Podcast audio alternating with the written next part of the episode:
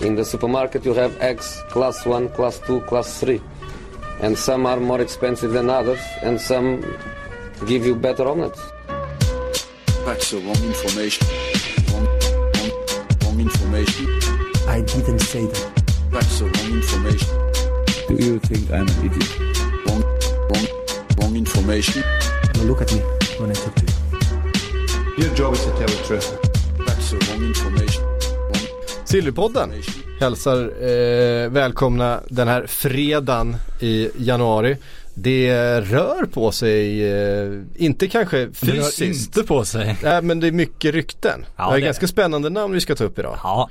Eh, Vi ska prata lite mer Rabiot. Ja. Vi pratade rätt mycket Ja. Rabiot förra gången. Ja. Vi ska prata lite Coutinho och Neymar. Ja. Den är ju smask. fin, den är den. smaskig den.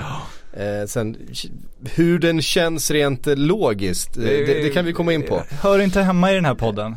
Lite Icardi och lite Willian och Morata, ja men ni hör ju. Eh, men vi börjar med Haksabanovic. Ja. Eh, Som ju ska nämnas i det här sammanhanget. Exakt, han är hemma bland någon annan. Nej men jag, jag älskar ju att spy galla över svenskar som går utomlands alldeles för tidigt. Och Mm. nu när jag får vatten på min kvarn så drar jag mig inte för att utnyttja det, såklart. Nej. Nej, vi har ju precis fått reda på att eh, AIKs förhandlingar med West Ham om Haksabanovic har, har kraschat. Eh, vissa har ju påstått att han skulle presenteras den här veckan till och med. Men det blir alltså som det ser ut just nu ingen övergång för Haksabanovic till AIK.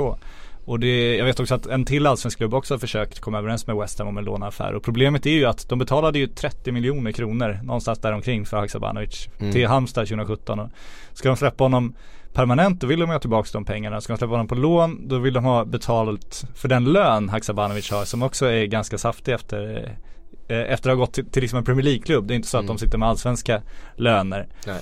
Eh, det gör att det är helt omöjligt för, för AIK att få Haksabanovic om inte han skulle liksom gå ner dramatiskt mycket i lön och avsäga sig massa pengar. Och det, det vill han väl uppenbarligen inte göra. Han var utlånad till Malaga nyss. Han har blivit, eh, precis blivit tillbaka kallad till West Ham för att han inte fick någon speltid i Malaga. Nu ska West Ham hitta en ny klubb som är eh, liksom intresserad av att ge en 19-årig mittfältare chansen som inte spelat A-lagsfotboll på ett par år och som dessutom är beredd att betala ganska bra för det. Eh, och det är ganska ont om den typen av klubbar. Då måste du ju komma i de högsta ligorna och de högsta ligorna är ju inte intresserade av av Haksabanovic för han har ju inte visat att han, att han är hemma på den nivån. Så att, eh, och de i lägre ligor har inte råd med den där summan. Så att han sitter i ett väldigt knivigt läge och eh, det är ju så jävla dumt att göra det när man bara är 19 år. Eh, men önskar att han hade haft lite mer långsiktighet i sitt klubbval från början och förstått att det här kanske inte är det bästa att göra. Men du, som du har haft så extremt mycket åsikter om eh, hans karriärval tidigare, då får du väl Hans, komma generellt Ja, om men unga svenskars även karriärval. hans. Ja, ja. Eh, vad- Mattias Svanberg har ju visat, eh, motbevisat mig lite ska jag ju säga också. Så att det finns ju liksom exempel åt båda håll. Men generellt, det, det, det mesta är ju liksom Fan A-lagsfotboll innan feta kontrakt för tidigt. Ni Ja. kommer få betalt sen. Ja men då får du ju liksom också put your money where your mouth is nu då och komma med lite bra karriärs... Eh, Han sitter ju fast nu, det är det. Han har ju ett femårskontrakt. Eh, eh, så att vad, vad ska han göra nu då? Ja men han, han måste ju helt enkelt avsäga sig pengar i så fall om han ska komma någonstans. Så, ja men min, mitt karriärsråd till honom är väl att göra en Kristoffer Olsson. Eh, som, när han gick utomlands så gjorde han det trots allt som, som ungdomsspelare, som ungdomsproffs. Så det tycker jag är en annan sak. Om man inte spelar eh, A-lagsfotboll i Sverige och så åker man utomlands och, och får sin fot, fotbollsutbildning i en annan klubb. Det är en helt annan sak. Det, det jag är emot är att man liksom när man redan kommit in i ett A-lag men inte dominant i Allsvenskan går till en klubb där man inte ses som en A-lagsspelare. För det tycker jag är att ta ett steg tillbaks. Så gör en Kristoffer Olsson som eh, liksom kom hem, började om, var dominant och kom ut igen. Eh, och då måste Haksabanovic då vara beredd att göra en ganska stor ekonomisk uppoffring om han ska göra det. Men det, det tror jag på lång sikt vore, eh, hade kunnat betala sig. hur, va- vad är det för nivå på Haksabanovic 2019? Det vet Det vi är ingen inte. som vet. Det är det. Alltså man vet ju hur bra han var när han var 17 år innan han slog igenom Halmstad. Då Ja, var han ju. Mm. fantastiskt lovande. Men eh, vi vet ju inte vad som har hänt sedan dess, hur han har utvecklats. Vad har det här halvåret i Malaga gjort med honom när han inte fått spela heller? Alltså det känns ju väldigt osäkert alltihop. Väldigt osäkert alltihop Ja, är eh, Det är vår slogan podden tror jag. det, det, är ändå, det är ändå det vi livnär oss på. Ja, så är Väldigt det. osäkert alltihop. Hoppet, det är det alla fotbollsintresserade lever på. Framförallt fotbollssupportrar som du när du sitter där på O'Learys och kramar din lättöl. Då, då hoppas du fortfarande. Det har du gjort i många år nu. Jag har aldrig suttit på O'Learys. Det är det, det är konstigaste jag hört. Ja, okej. jag Ja, tittar nu- inte på nej. fotboll tillsammans med andra människor. Nej, nej, du Titt- säger det. Jag tittar själv. Jag kan nog räkna på en hand eh, gångerna jag varit på O'Learys sen jag flyttade till Stockholm för tio år sedan. Ja, Eh, det hedrar dig skulle jag säga. eh, i, i, i, ska jag säga, I syfte att se på, på, Ja, på ja. fotboll då. Du Jag- annars ha- där för den jag- goda maten. Jag har hamnat där på grund av maten ibland och sådana saker. Det, det, det ligger ju alltid en O'Learys vart man än vänder sig om så Ja, finns det ju en. O'Learys där. Så är man hungrig så kan man alltid bara kliva in på en O'Learys. Eh, Fast det är ju inte så jävla kul. Så, så, som ni märker så har vi alltså inte, Vi inte fått spons, nej inte absolut inte. Kommer inte få spons heller, det är också ganska solklart. Eh, men men eh, visst, det, det funkar säkert bra. Jag är alldeles för så här eh, jag är alldeles för osocial när jag ser på fotboll, framförallt när jag ser på Liverpool. Ja. Eh, det är förknippat med så mycket ångest och, och den typen eh, känslor att jag har lite svårt att faktiskt eh, uppleva, alltså upplevelsen blir lite märklig när jag är tillsammans med andra människor. Och det är ett socialt sammanhang. Jag är en ganska social människa så jag vill gärna när jag är i ett sånt sammanhang så delta och man vill vara glad och man vill vara positiv och man vill så här, eh, jag kan inte göra det när, när positivt. Och sen så jag står, ja. Jag har en kompis som håller på Lazio också, väldigt inbitet. Han, han liksom, han, när man var lite yngre så var det ja men ska vi kolla Romderbyt tillsammans då? Nej, nej absolut inte. Han, liksom låste in sig i sin lägenhet för att han, jag vet inte, om han var rädd att bli våldsam eller vad det var. Men Nej, det var men- helt, helt uteslutet att kunna Ja, se en match alltså- tillsammans. Det, alltså det är på något sätt, det, det plockar ju fram sidor av mig som jag inte nödvändigtvis vill dela med mig av. Ja, ja. Eh, det är väl mest så va. Ehm, Det är inget som kommer ligga på din YouTube-kanal. det är inget som kommer Nej, ligga på min YouTube-kanal. Eh, kan jag väl säga. Eh, nej, jag vet inte. Jag har till och med lite svårt så här för, för läktaren av den eh, anledningen. Jag, jag, Vilken, vilken, vad fan är det för fotbollssupporter som är? Jag kan inte gå på arenan för jag, jag, jag tycker inte om att vara bland folk. nej men alltså 99, Du är den perfekta svenska Premier League-supporten på så sätt. Ja, ändå. 99% av, av mitt fotbollsliv har jag ju eh, spenderat själv Ja. med, med matcherna. Och det har gjort att man har utvecklat någon slags eh, Känns som en väldigt mörk film det här. Som är, du har ett manus som du sitter på riktigt. äh, det, det, det, det är ju det är inte så mycket mörker över Syk och det. fotbollen, en film om ensamhet. Eh, ja, men jag har ju fotbollen som min, som min kompanjon där. Ja. Alltså, eh, så är det ju. Det är liksom inte en, jag tittar gärna på fotboll tillsammans med andra när det inte är Liverpool. Ja. Då kan jag absolut eh, gå på O'Learys eller vad som helst. Det tycker jag är, är, är trevligt. Då kan jag ju vara social. Ehm, men ja, det är svårt. Um, Rabiot till Bayern. Ja, men jag älskar ju Adrian Rabiot, det rör ju på sig. Eh, vi satt ju här i måndags och eh, gottade oss i ryktet att han skulle till Barcelona. Sen dess har ju hänt en del. Eh, framförallt har det väl hänt att Barcelona ska vara överens med Ajax om Frenkie de Jong, den här eh, väldigt, väldigt lovande mittfältaren som eh, har en stor framtid för sig, är väl alla, alla ändå överens om, ska väl kosta någonstans omkring 700 miljoner kronor. Otrolig spelare redan faktiskt. Ja så är det ju. Och han känns ju mer spännande vad Adrian Rabiot gör. Eh, trots att han då är betydligt dyrare än vad Rabiot skulle varit för, för Barcelona. Men eh, när han nu påstås vara klar så påstås det då att eh, Barcelona inte är så sugna på Rabiot längre och då har Bayern München klivit in där och man gillar ju Bayern av den anledningen att när det kommer uppgifter om Bayern München i tysk press så stämmer det ofta och eh, deras sportsliga ledning drar sig inte heller för att kommentera och bemöta, ofta bekräfta och eh, deras sportchef har ju han har inte bekräftat eh, att de är ute efter Rabiot men han har ändå talat om Rabiot på ett så sätt att det är underförstått det, man kan liksom räkna ut att det finns ett intresse där. Eh, och du påstår att de vill ha Rabiot redan nu i januari. PSG ska motsäga sig en, en försäljning redan nu och får de inte honom i januari så hoppas de övertyga honom om en free transfer då till sommaren när hans kontrakt löper ut. Så att Rabiot eh, jobbar vidare eh, med sina storklubbar. Ja, verkligen. Eh, vi kan väl bara nämna det då kring eh, Frenkie de Jong.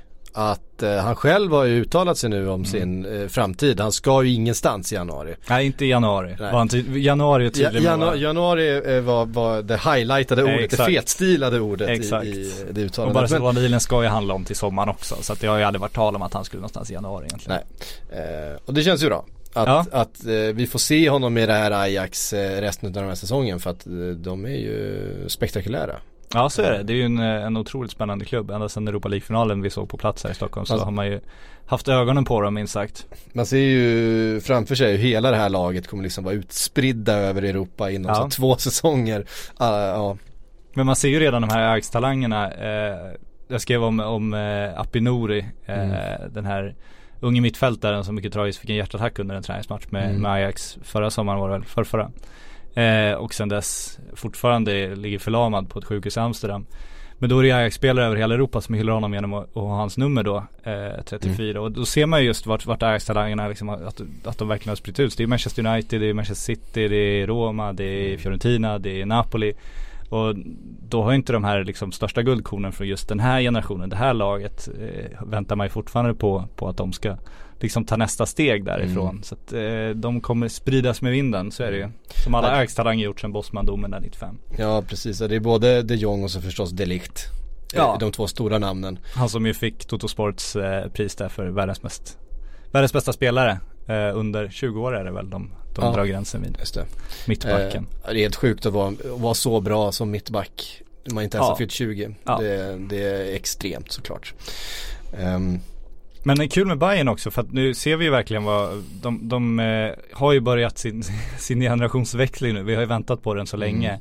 Eh, och de kommer göra väldigt, väldigt mycket nu. Rabiot är väl inte deras största köp direkt. De, de har ju redan gjort klart med med Pavard, den här eh, som Ja. alla, alla, alla nog minns från VM, eh, franske sensationsförsvararen. Eh, kan du se mitt körschema här? Det står precis Nej men så jag här. tänkte, du slipper höra ordet segway så att jag kör Ja. på bara liksom, så Mm. hjälper dig med dem istället. Ja, alright. Man hjälper äldre människor över gatan, jag tänkte att jag tar in det i podden nu. Mm. Eh, nej men det blir intressant och sen så som vi var inne på måndag ska de ju så småningom ersätta både Ribéry och Robben till sommaren också. Det ko- kommer ju öppnas ganska stort löneutrymme när de två försvinner. Trots att de Verkligen. kanske har gått ner lite i lön sina senaste avtal så sitter de ju på otroligt stora, stora Mm. summor fortfarande. Så det ska bli kul att se vad de gör. De kommer ju verkligen få, få pussla ihop ett nytt lag och de har ju börjat med att göra som Bayern alltid gör och hitta de här bra affärerna, helst i Bundesliga och så ska det bli väldigt kul att se om de kan krydda, för de behöver ju någon världsstjärna också, så är det ju. Mm. Ehm, kan den världsstjärnan vara Filipe Coutinho? Nej, det, det vet inte fan om det är den ekonomiska deal de gör. Nej, eh, ryktena som har börjat florera är ju att eh, Barcelona vill köpa tillbaks Neymar från PSG. Det är ju oerhört konstigt om det skulle bli så. Det vore ju, vore ju fullständigt eh, vansinne. Att de skulle då finansiera det genom att sälja Coutinho som man då köpte för Neymar-pengarna eh, för ett år sedan. Ehm, det hetaste laget just nu som det ryktas om det är Manchester United. Ja, det finns så mycket i den här soppan som är fullständigt ologiskt men samtidigt, vem vet? Ja när det kom häromdagen så kände man ju att så här, men nu Neymar, ja, är, han vill att det ska snackas om honom och det, det är Ja. ju tacksamt namn att kasta upp. Men den Barcelona-pressen börjar ju liksom verkligen köra igång maskineriet nu och när de kör igång maskineriet är trovärdiga också. Ja, ah, det är de inte, men de har ju däremot ofta en agenda. Vi har ju sett när, när maskin, maskineriet går igång, eh, Fabregas, Coutinho, då Mm. är det ju för att de liksom skapar kaos och får loss de här spelarna och hjälpa klubben och, Ja. liksom, och, och landa dem. Och senast idag så skrivs det då att Neymar med hjälp av sin pappas telefon då ska ha ringt Barcelonas president och bett om ursäkt för sättet han lämnade på och också beklagat sig över hur Thomas Tuchel styr PSG och sådär. Så att det börjar ju ändå hända, någonting som gör att man, man tror att Barcelona kan ha fått signalen från Neymar att han skulle kunna tänka sig att komma tillbaks. Och för Barcelona vore det välkommet att ta tillbaks Neymar såklart. Det är ju fortfarande den marknadsmässigt kanske största spelaren i världen. Mm. Eh, och Messi blir inte yngre. De, de behöver ju den här arvtagaren. Eh, Coutinho, här känns det ju som det börjar slira liksom. Mm. Eh, jag såg Barcelonas tränare uttalade sig om det var igår kväll eh, att eh, just på frågan om Coutinhos framtid att så här, ni frågade precis de här frågorna om Dembélé när han inte spelade, då spelade Coutinho istället. Nu spelar Dembélé istället för Coutinho, då ställer ni exakt samma frågor om Coutinho. Eh, så det, det känns ju lite konstigt. Samtidigt så har vi ju sett att de är inte rädda för att liksom göra som med Cesc Fabregas. De tar in en, en, en dyr prestigevärvning efter ett tag. Det fungerar inte. De är inte rädda att släppa honom då för att finansiera andra saker. Men eh, han var ändå, Fabregas var ändå kvar där lite längre än ett år. Absolut, men då var Fabregas också li- lite mer en Barcelona-spelare Ja, än. Coutinho. Så att jag Ja. menar, de, är inte rädda för att liksom svälja stoltheten och, och klippa banden om man säger så. Det som jag känner, visst, eh, Manchester United känns ju ologiskt med tanke på eh, Coutinhos alla år i Liverpool. Ehm, dels för att han flyttade väldigt mycket för att hans familj inte riktigt trivdes liksom i nordvästra England. De ville bo i Spanien, ett spansktalande land. Eh, ett varmare land och så vidare. Det var liksom, det var mycket sådana sociala eh, saker runt omkring som spelade in i hans beslut då. Eh, att han skulle då flytta tillbaka och flytta till ärkerivalen Manchester United. Eh, visst han skulle få en väldigt hög lön. Jag tror att det är ju ett lag som har nämnts bara för att Barcelona vill ju inte göra, alltså Coutinhos aktier har inte direkt stigit. Alltså hans prislapp var ju oerhört dyr för ett år sedan. Eh, han såldes ju för ett överpris då. Eh, kan man verkligen säga. Och han startat nio matcher eller någonting den här säsongen.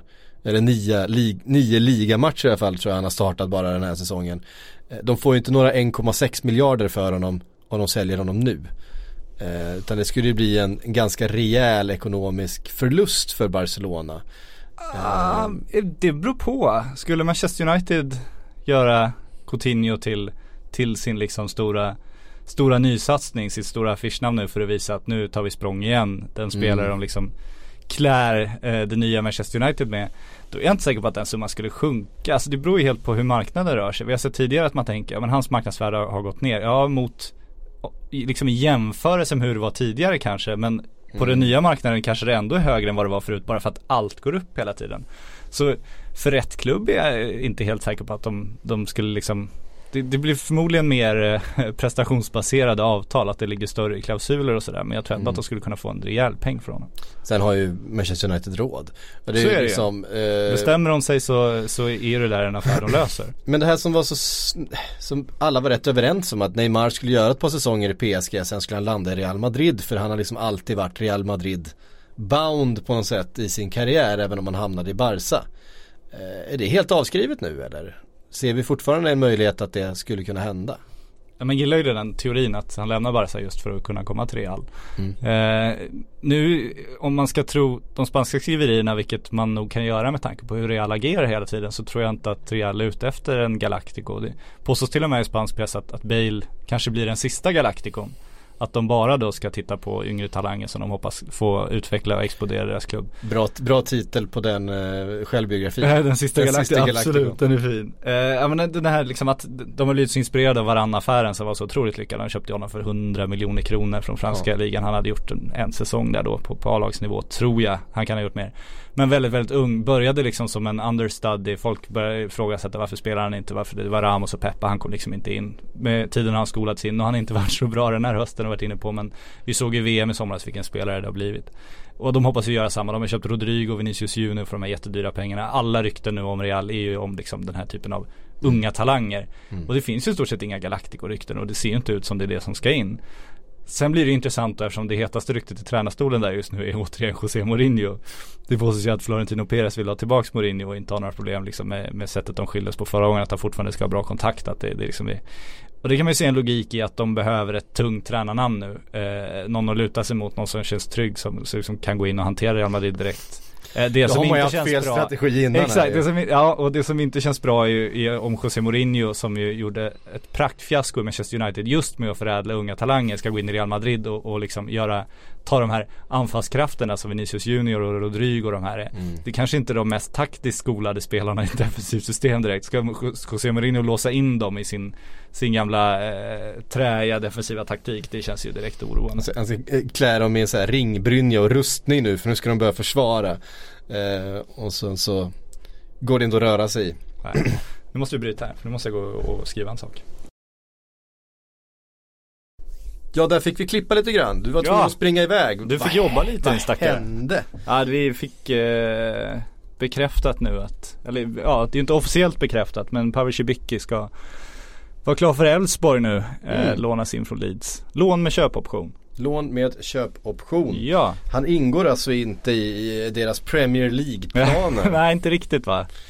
Eh, nej, han har ju kanske inte eh, fått det genomslaget som eh, till exempel en Pontus Jansson har fått i, i Leeds. Och då om vi ska knyta ihop med Haksabanovic kan man känna att Cibicki, där kan jag ändå förståelse för Leeds eh, transfern. Han är ju 25 år nu, mm. eh, Cibicki. Var ju ändå etablerad i Allsvenskan, gjorde ju en jättebra säsong när han framförallt var utlånad från MFF kanske. Eh, mm. Så han kände som han liksom han tog chansen i, i en större liga som inte var Premier League heller utan eh, Championship. Så att, eh, där har jag faktiskt ingen kritik mot Pavel. Jag bara, men, ja. Alltså den enda kritiken jag skulle ha eh, mot honom det är kanske för att jag känner, det känns inte som att han är byggd just för Championship.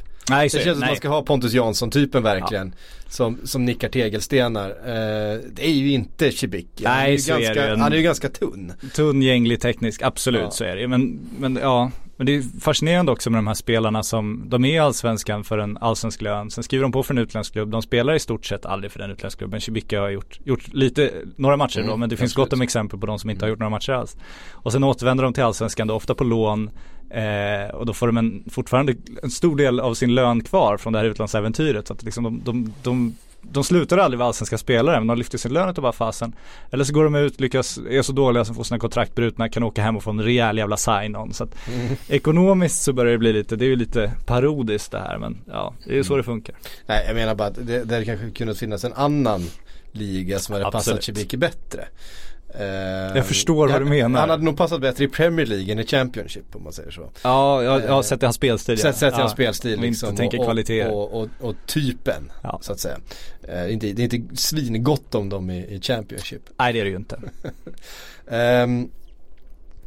Eh, då får vi gå tillbaks till, eh, till körschemat igen då. Där står det William till Barca för 50 miljoner pund och i de här 50 miljoner punden så vill då Barca räkna in Malcolm för att få ner den, den rent monetära eh, delen utav det här. De ska sätta en prislapp på Malcolm och så ska de då bygga ett paket värt 50 miljoner. Det, verkar väl som Chelsea i sådana fall, nu har de väl tackat nej till det här initialt men om det ska bli någonting så är det väl mest bara pengar som eh, de är ute efter. Det är fascinerande det här om man jämför då Barcelona och Real Madrids transferstrategi. Eh, Real Madrid vill bara värva ungt. Barcelona bjuder 50 miljoner pund då för 30-åriga William som är, man inte direkt tror ska, ska lyfta sitt spel till ytterligare en nivå kanske. Nej. Eh, men ett kul rykte ändå för det började ju blossa upp igår kväll. Jag tror att det var Sky Sports var bland de första och då var det med Malcolm och det var inga speciella summor. Sen har Telegraph preciserat det med summor. Så att någon har ju lagt ut det här på liksom det här Ja men det här lilla draget för att de ska nappa och eh, man undrar om det är William som vill röra på sig eller om det faktiskt finns ett konkret intresse för Barcelona. Det känns ju spontant konstigt. Framförallt när Barcelona då sitter med Coutinho på bänken och, och Valverde inne på att liksom, han kan inte få in både Coutinho och Dembélé i laget just nu. Och så, det, det, det finns ju liksom fler positioner i det anfallet och sådär men om man inte har plats för både Coutinho och Dembélé så jävla eh, preciserade för en position kan de inte vara. De måste kunna spela på båda kanterna och så vidare. Eh, De jagade honom i somras eh, Ja. intensivt. Ja och det finns, fanns ett intresse absolut men är desperationen så stor att få in William att man ska betala så mycket för en 30-åring? Jag tycker att det, det känns ju väldigt märkligt. Det är väl den allmänna reaktionen på det här ryktet också att folk undrar vad fan det är som pågår. Ja. Ehm, det får vi kanske veta eh, Ja. vad det lider. Jag tror att eh, med tanke på att ehm, eh, på Williams ålder, eh, att man redan har eh, signat en Pulisic som kommer till sommaren.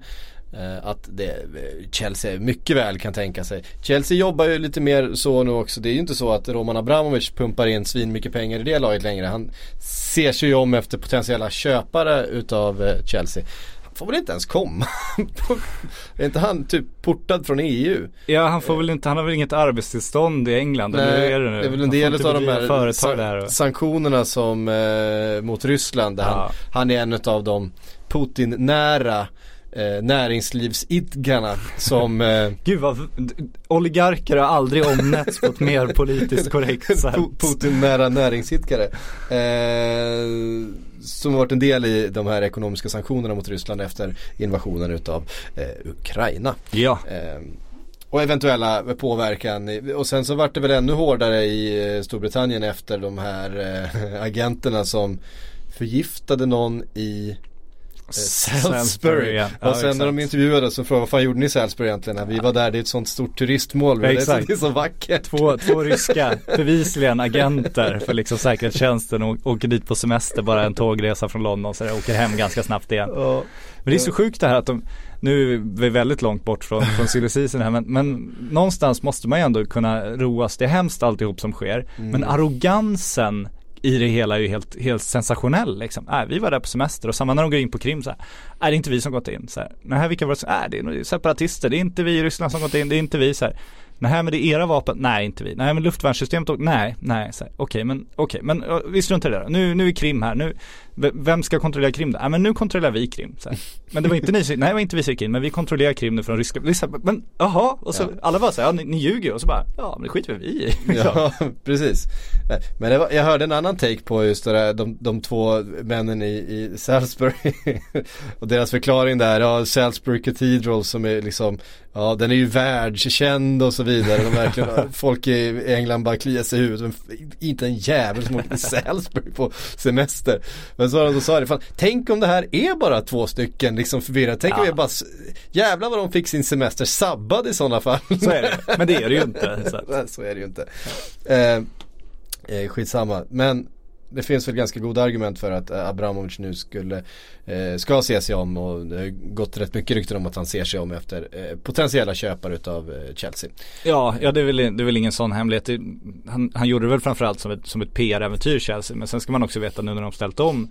Det, ju, det gäller ju de flesta klubbar i England nu med det här nya tv-avtalet. Att efter att man ställt om så, så är de ju väldigt lönsamma många klubbar. Det kommer en ekonomisk uträkning av någon, någon, någon eh, väldigt intresserad britt på Twitter som hade gjort det som visar liksom hur, hur, hur omsättningen nu ser ut och liksom hur belånade att Manchester United är ju liksom de som drar in mest. Men de, det visar nu också hur, hur Glazer Ja men hur liksom, hur belånade klubbarna är, hur mycket pengar ägarna nu plötsligt gör. Mm. Alltså det är helt sinnessjukt vad de tjänar pengar på de här fotbollsklubbarna. Som ett tag bara såg ut som liksom ren sådär lyxsemesternöje eller liksom För, för i början, alltså när Abramovic tog över Chelsea, det var ju en period då inga klubbar gick med vinst. Nej då känns det som ett så här dyr, svindyra hobbyprojekt för, svin, för svinrika människor som, som bara ville visa upp sig liksom. Ja, och ett sätt att kanske transportera lite pengar igenom ut och legitimera vissa delar av verksamhet Ja. som, som var svåra att göra på andra sätt eftersom fotbollen är lite mindre reglerad än andra eh, liksom stora eh, ekonomiska PK-psyk säger just nu att det tvättades pengar.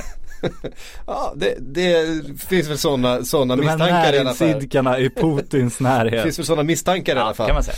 Ehm, bland några av de här eh, lagägarna då. Det var ju rätt många. Inte minst var det väl en del eh, typ taxin va från eh, Ja det fanns många, från, från många Tha- konstiga Tha- grejer. Thailand där var väl ganska uppenbart så att med hans projekt i Manchester City.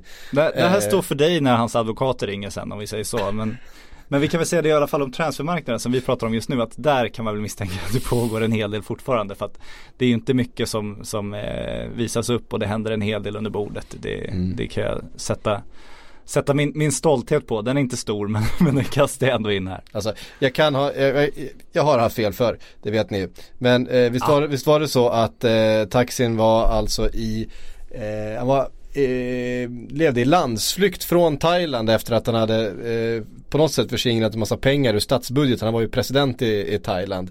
Samtidigt så ägde han då Manchester City och satt på läktaren där. Eh, som han var i liksom exil från Thailand efter att ha förskingrat en massa pengar. Och man undrar, vart tog de här pengarna vägen? Eh, och där nere sprang Robinho på planen och gjorde väldigt lite för att förtjäna den lönen han hade då. Det är väl som det här ryktet om, om eh, och vem var där och tränade? Vem älskar den här situationen ja, mer det, än någon det annan? är ju Svennis ja. Här finns det pengar att hämta. Svennis har inga problem med just den där Nej, situationen. men ställ inga frågor.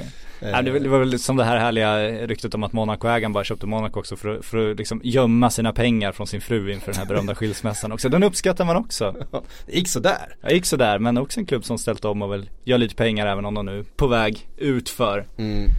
Men ja, Eh, vi stannar i Chelsea då. Alvaro Morata har inte haft någon vidare säsong. Eh, är på väg bort. Det pratas om Sevilla. Det pratades om Atletico Madrid här eh, senast. Vad eh, tror du händer med den gode Morata? Hem till Spanien i alla fall. Ja, så känns det. Jag tycker det är fascinerande att Chelsea, om man ser till de trupper Manchester United och Manchester City och de klubbarna har. Chelsea känns ju ändå som de har en, en väldigt sårbar trupp. Alltså när man inte har Alltså de får inte igång anfallslösningen. Eh, det känner vi igen sedan några år tillbaks. Även om det gått väldigt, väldigt bra tidigare. Men att de inte har fler, alltså det känns som som Manchester City, ja Gabriel Jesus fungerar inte riktigt. Ja men vi kastar väl in Agüero då ett par matcher. Och Manchester United har ju ett antal lösningar eh, i sin anfallslinje. Det känns inte som Chelsea riktigt har skaffat sig någon bredd där. Eh, sen, ja det var Jorente som skulle in och någon slags så. Ja, eller Llorente, vad säger jag? Ja men det känns inte som bredden finns där i alla fall. Och det, det tycker jag är förvånansvärt att man nu då ska flytta på Morata. De borde köpa en till anfallare också. Någon som kan konkurrera med Morata och kanske. Det tror jag skulle vara allra bäst för dem. Men nu kommer det inte bli så. Utan nu kommer ju Morata försvinna. Och jag skulle tippa på Sevilla nästan. Mm. Som det ser ut just nu. Eh, och då är frågan vem som ska in. Eh, Batshuayi eh, sitter du och hoppas ska komma in med hela sin leksakssamling igen. Eh, Nej det tror jag inte på. Alltså Batshuayi är ju till- på väg tillbaks bara för att Valencia har, av, hatar honom. har avbrutit hatar honom. eh, lånet. Men det här är också intressant med Chelsea. Det visar också hur svårt det är i januarimarknaden. För om de nu ska ha en ny anfallare, ja, vad, vad är det det pratas om? Det är ju en annan människa som, som vars klubb absolut inte vill ha någon kvar. Som är Gonzalo Higuain då, som är det hetaste ryktet. Och där Milan eh, häromdagen sa att så här, ja men just nu är han kvar. Alltså det vore ju bra om han går ner på planen och gör någonting åtminstone. så att ja, det är krislösningar så det sjunger om det. Ja, där kan vi också dra då, vi blandar in i den här soppan Kalinic eh, som ju tidigare floppat stenhårt i Milan. Eh, som nu då har floppat i Atletico Madrid också. Man undrar liksom vad, Det här får du hålla din, din, din sågningstal här. Fan vad du var rasande på honom tidigare här. ja men jag ska inte vara så, men man undrar vad fan Våga nu. Han måste ha svinbra agent. Det är väl det man kommer fram till. Ja. Alltså han landar de här jävla avtalen, men vad har han levererat egentligen? Eh, nej, eh, Kalinic är bort. Eh, och så får vi se då vem de eh, ska ha in eh, i anfallet Atletico Madrid. De har ju ett par alternativ i, i truppen såklart. Eh, de är väl inte så desperata men och samtidigt Chelsea ska eh, Higuain det också pratas om Callum Wilson till Chelsea. Eh, det snackas om ett bud på 50 miljoner. Eh, även där, Bournemouth ska inte vara speciellt sugna på att sälja honom just nu. Samtidigt, Bournemouth känns som ett lag, eh, de är oerhört formsvaga just nu. Eh, de skulle kanske behöva, de har ju inte speciellt mycket pengar själva. Det är ju en väldigt, väldigt liten förening. Eh, ett, ett tillskott på 50 miljoner skulle kunna göra rätt mycket. Dels för att rädda den här säsongen att de hänger kvar i Premier League. Eh, de har liksom manager och de har en del unga på plats att utveckla. Vi har sett Brooks till exempel eh, ta eh, ett jättekliv den här säsongen. Eh, samtidigt då sälja sin bästa spelare i en situation där man, där man krigar om ett nytt kontrakt.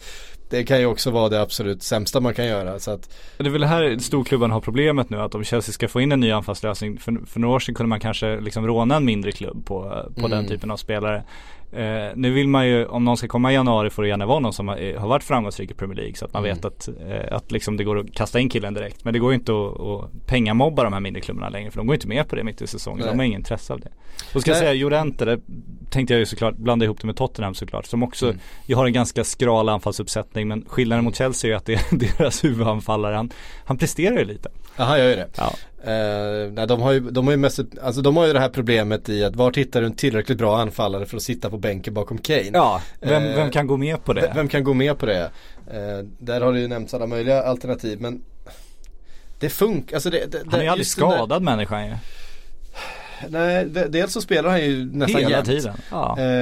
Och sen så Även om du är en bra försvarare, ska du sitta på bänken all den tiden och så ska du kliva in, då måste du leverera. För att Ja. då har Kane lämnat ett sånt enormt jävla hål. För att han då har dragit en baksida lår och är borta i tre veckor eller eh, vad det nu kommer. Då måste du vara svinbra. Och Mm. det, den kravbilden kan man inte ha på någon, att de ska sitta liksom och vara 100% på bänken en hel säsong. Liksom. Det, det går ju inte. Nej, och där, där har ju Chelsea då om de nu inte, alltså det är därför jag tycker om de kan behålla Morata och kanske ha Iguain också, då har du ändå två olika typer av alternativ. Eh, om du vill ha in ett huvudspel så kan du ju spela med Morata. Eh, vill du liksom ha den här lite mer striker-funktionen så kan du ha Iguain. Eh, och så om en inte fungerar kan du byta in den andra och de kommer trigga varandra. Därför tycker jag att man borde ha två anfallare om man inte har en Harry Kane. Då kan man gott klara sig på en. Ja, han, han löser ju den eh, uppgiften. Ja. Eh, Och som du säger, det går inte att ha en, en så bra ersättare på bänken. Så Nej. att det är liksom Eh, Nej, och alternativet blir då som de har gjort vid många tillfällen att då har de liksom roddat om hela anfallet Ja. och det är liksom Jominsson som har gått in och gjort det förstås jättebra. Eh, som striker nu har ju faktiskt eh, Jominsson kanske spelat som, som striker i vissa lägen och, och Harry Kane mer typ liksom nästan som playmaker bakom och lite mer till, eh, tillbakadragen roll. Eh, det kanske för att som ett sätt att inte de ska bli så sårbara i Mm. händelse av att att eh, Kane skulle försvinna eller behöva vilas eller eh, sådär. Ja, där, där finns det ju en fördel då. Skadad, han går upp i rök. Men där finns ju för, alltså problemet för Tottenham är också, nu är vi ganska långt från silly season här men eh, att de, de, de tvingas ju inom citationstecken då bygga så mycket av sitt spel kring Kane eftersom han är den spelare som de ska använda hela tiden eftersom han är så otroligt bra. Eh, där har vi ändå liksom, om vi pratar Manchester United, Manchester City, eh, det finns ju en större bredd i de offensiva pjäserna där som gör att du, du är ju mer flexibel. Eh, och det är väl det Tottenham försöker vara då när de ändrar uppställningen i så fall, sån och har gjort det med bravur också. Mm. Ehm, tillbaks till... Till ditt körschema. Till mitt körschema. Eh, från Tottenham till Arsenal då. Ja. Så kan man göra. Eh, Unai Emery uttalade sig eh, här i veckan och sa att eh, ja, ska vi värva någon så är det lån som gäller. Det verkar vara lite skralt i kassan eh, hos Arsenal. Ja, det var någon Arsenal-supporter som eh, beskrev livet som, som Arsenal-fan med att eh, först så kommer ryktet om Denis Suarez då från Barcelona och så står det då, ja ah, nej Barcelona vill ha 20 miljoner pund och Arsenal har inte möjlighet att betala det just nu så de, eh, de vill bara låna honom. Och så några dagar efter kommer nästa, nästa stora Arsenal-rykte då. Det är att Carrasco är aktuell för Arsenal och prislappen kommer landa på 25 miljoner pund. Så här, men vad fan ska jag tro på här? Nej. Och det man ska tro på är nog att Arsenal inte kommer spendera i januari. Utan de verkar verkligen leta efter en låneaffär. Jag tycker det var förvånande med Dennis Suarez för det känns ju inte som den typ av spelare man man fyller en lucka med ett halvår utan det känns som om man, om man hittat Dennis Suarez och, och identifierat honom som en intressant spelare så känns det som det är en, en kille man vill utveckla hopp om att han ska lyfta en nivå till som man inte får när som man inte får så mycket speltid. Nej. Och att han då skulle vara någon liksom tillfällig, eh, tillfälligt plåster för att man ska kunna eventuellt då kanske sälja Aaron Ramsey redan nu istället för att förlora honom gratis eh, till mm. sommaren. Jag vet inte om det är så man tänkt. Det känns väldigt, det känns som fel kille på något sätt. Jag tyckte det var väldigt förvånande. Ja. Um. Ja vi får se vad som händer. Det, det, det ryktas om en massa offensiva spelare eller så mittfältspelare men där Arsenal behöver liksom spelare i, i, i försvaret. Eh, dels för att deras försvarare är för dåliga och de, den enda försvararen egentligen som har varit eh, okej okay den här säsongen, Rob Holding, han är ju borta resten av säsongen eh, med skada. Och ja, det känns ju som att ska de, det kommer bli en jävligt tight strid om den där eh, fjärdeplatsen. Eh, för topp tre tycker jag det känns i England som att den är ganska satt vid det här laget. Det är, det är Liverpool City och Tottenham som kommer att ligga topp tre. Eh, och sen så är det ju liksom Chelsea. Nu kommer ju Manchester United komma underifrån också med lite fart. Mm. Eh, och utmana. Du har väl redan räknat bort dem där? Jag hade ju det. Ja. Alltså de, låg, de ligger ju fortfarande ganska många poäng efter. Ja. Eh, men, det, men det är rätt långt kvar av säsongen och ska Arsenal då kunna ta så pass många poäng som man egentligen tror förväntar sig. Då kommer de behöva ett bättre försvar. Eh, Men vad, vad, säger du om Arsenal framåt då? För nu, nu har de ändå Aubameyang som ju eh, är mm. fantastisk. Mm. Tycker jag. De har fått den där, den pjäsen de har letat efter så länge. Är det, är det dags att klippa Özil-bandet nu och använda de pengarna till något annat? Uh, ja, jag tycker det. Problemet är ju att även Aaron Ramsey kommer försvinna. Ja. Um, och där jag gillar ju Aaron Ramsey, jag har sagt det många gånger att jag tycker om den spelartypen. Visst, han, defensivt så lämnar han en del i övrigt att önska men, men eh, han har eh, både målsinne, han har en förmåga att kombinera, han har sina passningsfötter och sen såklart den här eh, Lampard-löpningen in i andra våg in i, i straffområdet som han gör så, så bra där han gjort, gjorde så mycket målen eh, en höst när han väl ledde skytteligan rätt länge, rätt långt in på, på hösten då för Arsenal. Um, de kommer behöva ersätta, de behöver ju ha kreativitet. Eh, Lucas Torreira har kommit in och erbjudit eh, fysik, eh, löpvilja, bollvinster eh, och även en del framåt. Men, men han är ju inte den där Eh, det där spelgeniet eh, liksom, eh, som de ändå behöver eh, centralt. Så att Ja, jag, tyck, jag tycker ju kanske att man ska hitta ett annat alternativ till Özil. Det känns som att eh, Özil inte fungerar med Emery. Eh, han har en extremt hög lön. Eh, och det, det, det, går nog att hitta alternativ där. Sen precis vad, vad det är. Hade de, jag, hade de haft kvar Rams, hade skrivit ett nytt kontrakt med Rams, satsat på honom i den här nummer 10 positionen där jag tycker han ska spela. Han ska inte vara så, så djup som han ofta var under Wenger. Eh, vi, ser, vi har sett också i Arsenal den här säsongen att när Rams har fått en mer offensiv roll har han varit mycket bättre.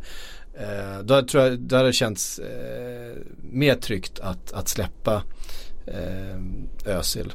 Kanske måste de värva en, eh, en spelfördelare då eller ja, det är klart de måste om de ska släppa Özil och Ramsey samtidigt. Um, Så att, och eftersom vi vet att Ramsey kommer lämna så blir det svårt att, att släppa Özil före man har en, en ersättare. Ja det är ändå trovärdiga uppgifter nu som säger att han är klar för Juventus och har accepterat ett avtal. Så att Ja. Vi får utgå från det i alla fall. Um, Icardi, Ja, fan han är fin du. ja han är fin han. Ja. Eh, också otroligt bra eh, när Premier League och de engelska tidningarna ska liksom förhålla sig till eventuella nyförvärv. Eh, han ryktades väl till Chelsea framförallt. Eh, och så var det väl The Sun som skulle rita upp en potentiell drömelva för Chelsea nästa år och kasta ut Icardi på kanten. Det tycker jag ändå, den var ändå fin. ja då chansar man lite. Då chansar man lite då, men ja. vad fan, anfallare, oh, äh, fan sätt han på kanten. Ja Det precis. som man själv gjorde sin drömelva från VM när man var litet barn och man liksom så satte in Ronaldo som mittback för att man var tvungen att ha plats med alla. Liksom. Det är lite grann som att man gör så fantasy. Och, Ja. och, och en, en eh, Marcelo hamnar på, på högerbacken bara för att det bara blir så. Ja, för att han är back och man bara valt honom som Man back. vill ha liksom. Också, Det bara, ser, ja. det bara ser ut så liksom. Ehm, men, eh, men, ja, det är ju fel såklart. Men Icardi ryktas överallt så här. Eh, hans kära hustru Wanda, tillika agent. Agent. Eh, har meddelat att erbjudandet som ligger på bordet just nu från Inter inte duger och att man tittar på andra alternativ. Eh, och, nämnde förstås alla de största klubbarna i världen. Ja. Ehm, men att eh, Inter mycket väl kan vara, liksom om de kommer med ett bättre bud så kan de absolut tänka sig att stanna. Eh, Icardi själv har bara meddelat att han är nöjd med att ha sin fru som agent. Ja, hon gör sitt jobb. Ja men det är spännande med inte för de, antingen så uh, sätter de ju en, en, en svinhög lön på honom, lockar honom kvar och, och bygger sin framtid kring honom. Eller så klipper de bandet nu. För han sitter väl inte på något jättekontrakt nu om jag är rätt informerad. Så att, eh, att han ska ha en löneförhöjning kan man väl förstå att han kräver. Det känns som skäligt eh, utefter vad han presterat. Mm. Eh, så får vi se vad Inter, hur mycket pengar det finns i den klubben och så vidare också. Vad de, är- vad de är beredda att göra i framtiden. Men man vill ju ändå att han ska vara kvar där på något sätt. Han skapar lagom mycket kaos i, i, Inter. Alltså Inter är Jag ju trivs med honom där. Han, Inter är, han är ju väldigt interkompatibel på han det är sättet. ju det. Och man, ja, nej, det, Ett Inter som ju går ganska bra nu också. Det är liksom eh, De kommer ju lösa den här Champions League-platsen. Det, liksom, det, det tror jag man kan vara rätt säker på. Det, eh, de, ekonomiskt känns, eh, alltså om man jämför framförallt med Milan såklart. Eh, men även andra klubbar i Italien så, så känns som Inter nu för första gången kanske känns sportsligt mer stabila. det, än- det än känns som de har utav- börjat gå åt rätt håll i alla fall. Ja, Och man får väl se om de kanske kan använda de Champions League-pengarna då till att muta kvar eh, Icardi i klubben. Mm. Jag tror det skulle vara, de kommer inte kunna värva en lika bra ersättare så att det känns som, bara de har råd så ska de göra det. Nej, hade det varit väldigt liksom så här, eh, eh, strid på kniven här med, eh, med en massa andra lag eh, om Champions League-platsen. Nu är det inte riktigt det. Eh, inte minst för att eh, en del av de andra konkurrenterna inte levererar. Eh, framförallt då Milan som man är van vid. Eh, samtidigt så är det också så här i Serie A. Du är ju inte inblandad i någon titelstrid heller. Så länge Nej, Juventus är eh, som de är. Eh, det, man, man hoppas ju på Napoli varje år men så de, de, de räcker bara inte riktigt till. Nej och det, det, det ska någonstans vara så också. det hör till. Jag vill ju hemskt gärna se Napoli vinna en Ja jag förstår det. Ja, det hade varit kaos där tror jag. Ja precis. Nej, men jag har en, en, Vem hade varit eh, först in på guldfesten? ehm, ehm, ja, jag tror kanske eh, i Napoli. Vem som Ja. var först in? Ja, Diego Maradona. ja absolut. Som hade fått rulla in honom på båren hade skitit han hade varit där ändå. Ja. Pum, tillbaks till körschemat då. Ehm, vad tror vi om Icardi? Han kommer skriva på nytt vinter va? Ja jag tror det. Ja. Alltså det, det, är de, det är det pratats om länge är ju Real men nu har vi varit inne på Reals transferstrategi och det känns som Icardi är väl inte liksom den typen av Alltså jag, jag är ju lite svag för Benzema. Det är ju inte så att han presterar på topp just nu men Nej. Men jag vet inte om Icardi är en så otroligt mycket bättre förbättring så att det är där Real Madrid Jo, lägger sina det är pengar. han. Jo det är klart han är bättre men, men om det är där Real Madrid lägger sina pengar, det tror jag inte att det är. Det är, det, det är klart Icardi är ett uppköp från Benzema, du måste förstå mig rätt nu. Men om, om Real Madrid ska göra en, en riktigt stor Galactico-värvning för den typen av pengar till sommaren så är jag inte säker på att det är där det kommer ske. För att om man ser till ryktena så är det nästan mest snack nu fortfarande om att Luka Modric fortfarande vill till Inter av alla klubbar. Eh, och det är därigenom Icardi-ryktet också blossar upp hela tiden igen. Det påstås till och med att inte vill ha Toni Kroos också. Ska Real Madrid nu möblera om så dels har de inte ersatt Ronaldo ännu tycker jag. Kanske Vinicius Junior ska komma in och bli den nya anfallsstjärnan. Och ska Icardi in där också då eller är det mittfältet de nu måste, måste titta på? Jag tror inte att Icardi blir deras omvärvning. Men vi får se. Men det är klart han är bättre än Benzema. Men Benzema eh, tillsammans med eh, den megatrupp de kan ha bakom tror jag ändå är, är vad de kommer satsa på. Japp. Eh, Med Vinicius Junior på, på tillväxt. Han är väl den som ska, ska ta den nya stjärnrollen. det tror jag också. Och sluta snacka skit om Benzema. Han är, han är precis tillräckligt bra. Det är det vad han är. Han, är inte jättebra. han är lite Han är inte dålig. dålig han är jag. precis tillräckligt bra. Han är lite för dålig. Precis tillräckligt bra. Eh, Jag från, gillar Benzema. Det, det, du kommer inte jag få mig att med gillar jag Benzema. kan inte vara helt objektiv till hans men fan han är Han är en speciell karaktär. Ja, onekligen. Eh, vet du vem Florian Grilic är? Mm, nej, det låter inte bekant. Eh, han är en österrikisk landslagsman som eventuellt ska ersätta Moussa Dembélé i Spurs. Ja, okej. Fick vi in ett sånt rykte Ja, också. fint. Det bara dök upp här. Ja, Eh, så vi, jag tog med det. Eh, vi, har fått en, kring det. vi har fått en massa frågor, ja, men ingen av oss vet vem det är. Nej, nej precis. Du har inte gett oss någon, någon möjlighet att förbereda oss på det heller. Så Nej. tackar för det. Nej, jag tyckte det var, det bara, det bara slank med. Ja. Vi har fått en massa frågor i vanlig ordning. Vi bara, jag bara kör dem. Eh, Emil Magnusson eh, undrar, Harry Wilson, kommer han ta en plats i Liverpool i sommar? Säljas, lånas ut igen? Eh, han gör ju eh, succé nu då för Derby under eh, Frank Lampard. Eh, framförallt gör han ju väldigt spektakulära mål. Han har ju gjort, ja han har ändå gjort 10 mål eh, tror jag den här säsongen från en någon slags offensiv eh, mittfältsposition. Jävla vänster har han. Han smäller in de här frisparkarna och långskotten. Eh, kommer han ta en plats? Alltså, man ska komma ihåg att han gör det svinbra i Derby. Eh, han är eh, han är walesare men han är, han är ju liksom fostrad i Liverpool och så vidare. Men det, det är ganska svårt att ta plats i Liverpool. Kan man säga. Det är liksom, han ska ju då eh, ta en plats då på offensivt mittfält. Även han ska väl in i liksom en anfalls kvartett där ungefär i en roll där Shakiri finns just nu då som har gjort det rätt bra den här säsongen. Eh, eventuellt att liksom konkurrera med någon i topp, alltså i fronttrean. Eventuellt kommer han tillbaka så är han liksom en, en rotationsspelare som på sikt då, han är ju, han är ju ung fortfarande. Eh, Ni måste ju ändå 21 år gammal. förbereda er på att Salah går till Real eller Barcelona och sådär. Ja, eller hur? Ja men så är det ju. Eh, absolut. Och um, det tror jag, det, det är väl där eh, som jag tror att det är mycket rykten om, om uh, Werner till exempel från, från eh, Red Bull Leipzig. RB Leipzig, för, förlåt, förlåt, Rasenballsport, ja. Eh, och där tror jag väl är, är det är ju såklart en färdig anfallsspelare på ett helt annat sätt. Eh, det tror jag, ryktet tror jag handlar väldigt mycket om att eventuellt då täcka upp för en försäljning utav eh, Salah eller Mané. Ja, om det nu stämmer. Om det inte bara är att det är en kille som har ett kontrakt som, som snart Ja. löper ut. Att de behöver sälja honom och att folk tänker, ja men Klopp han är ju tysk. som tidningar ofta gör. Precis. Internationellt.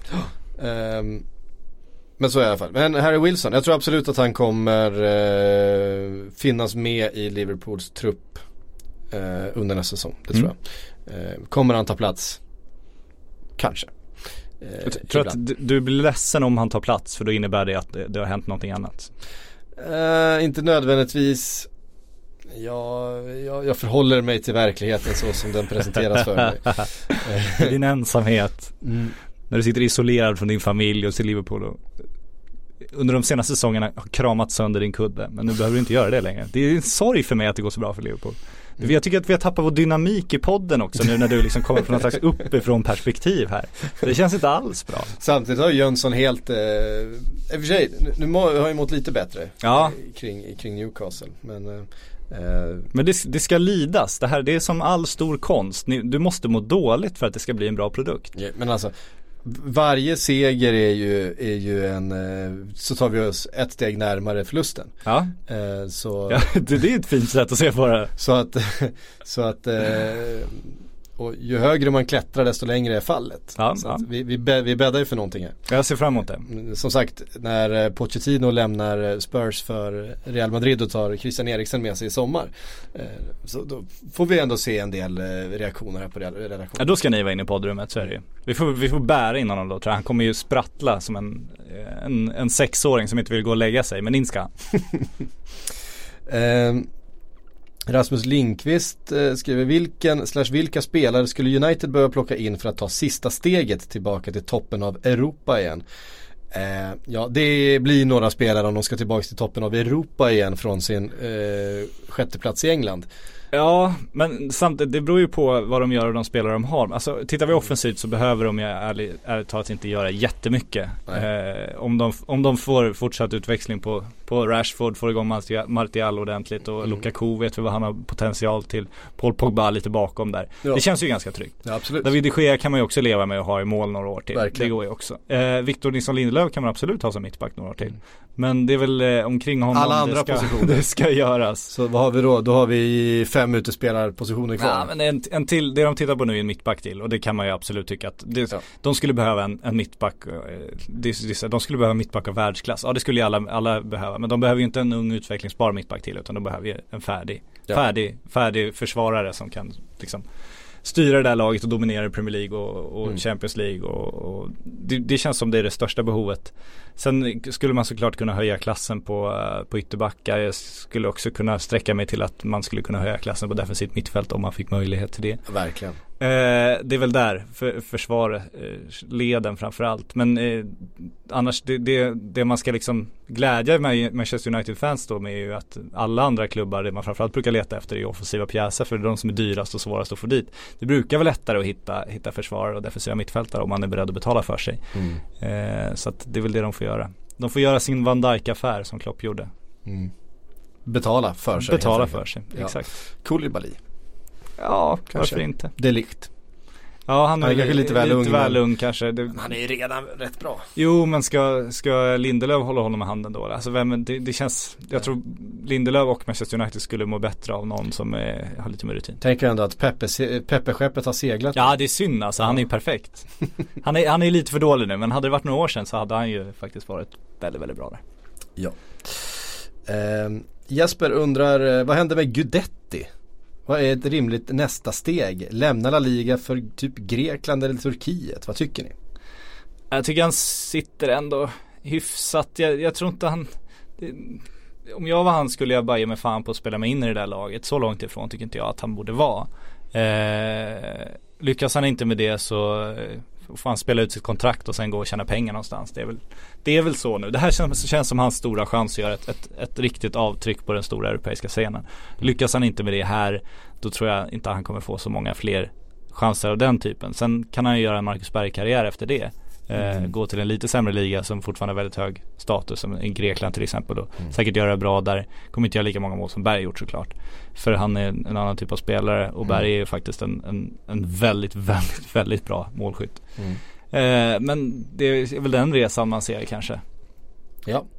Eh, han har en bonusfråga här också. Hur tycker Bränning det kändes att trenda Ja, mer på kommer nu. Twitter än politiker under valet? Fan vad fint att du sparade den från förra, förra veckan. Ja.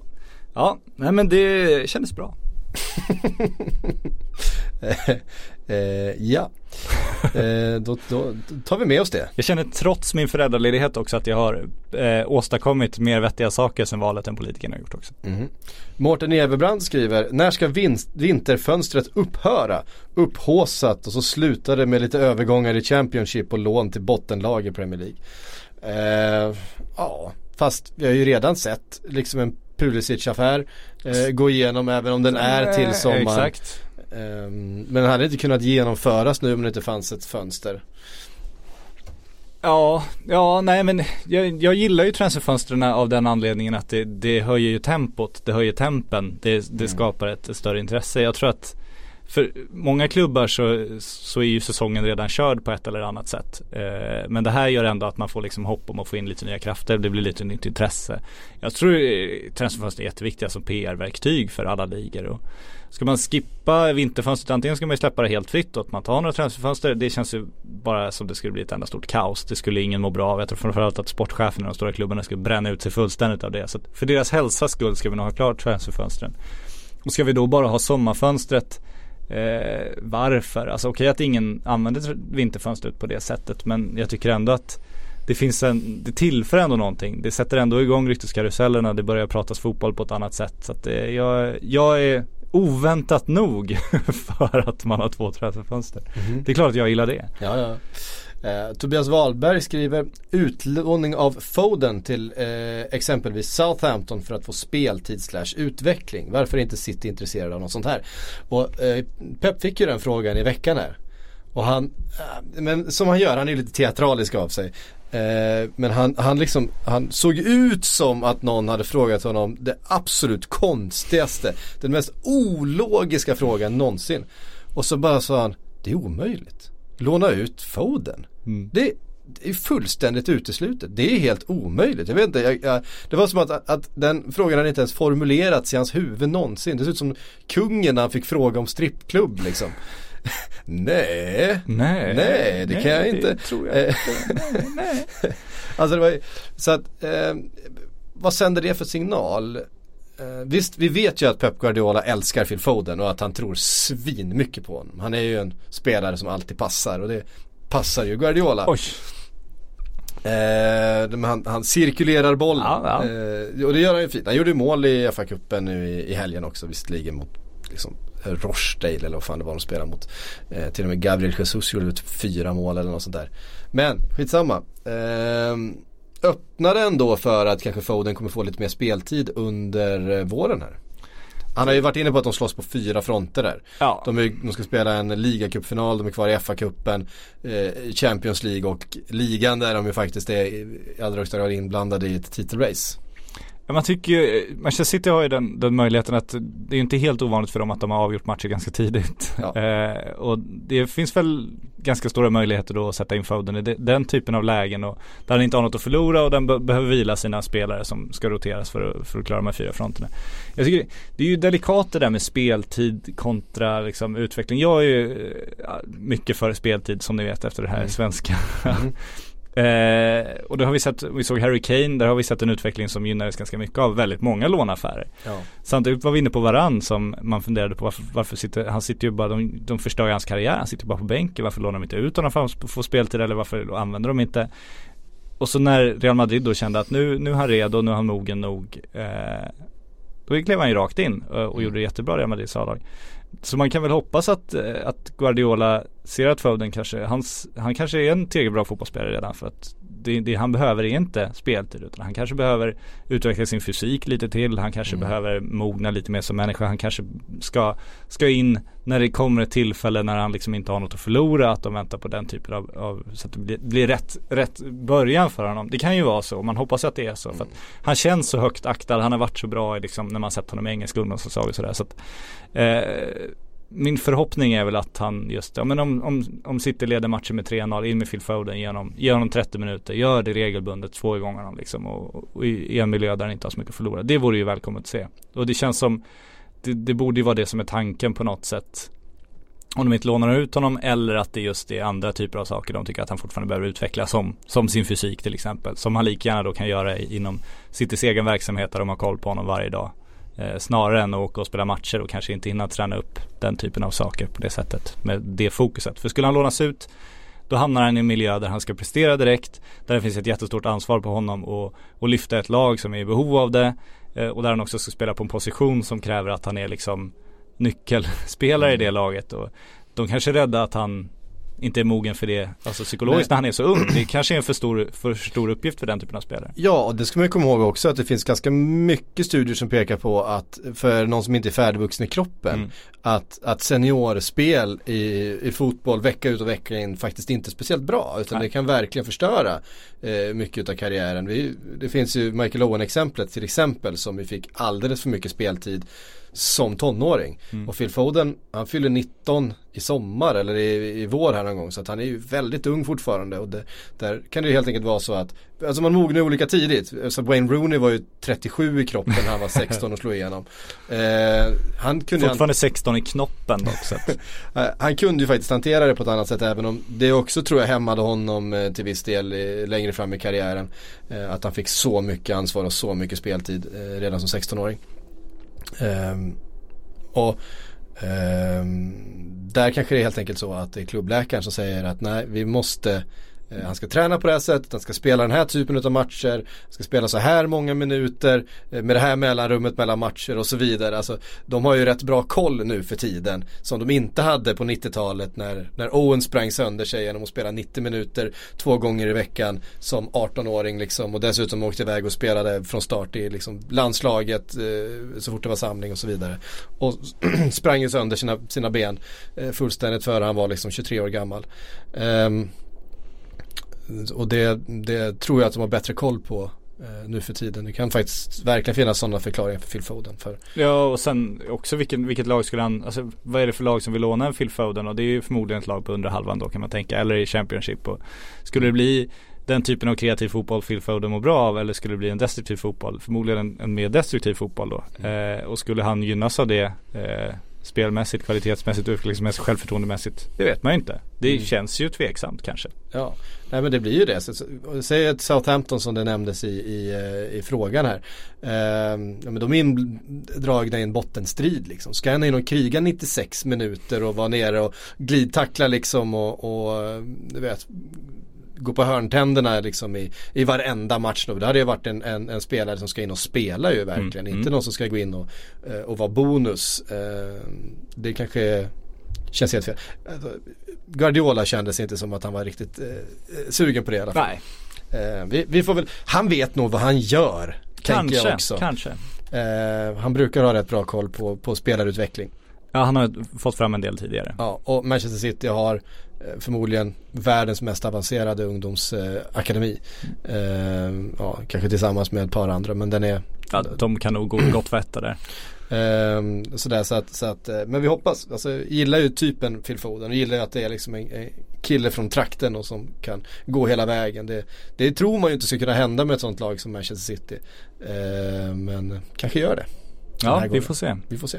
Vet ni vad?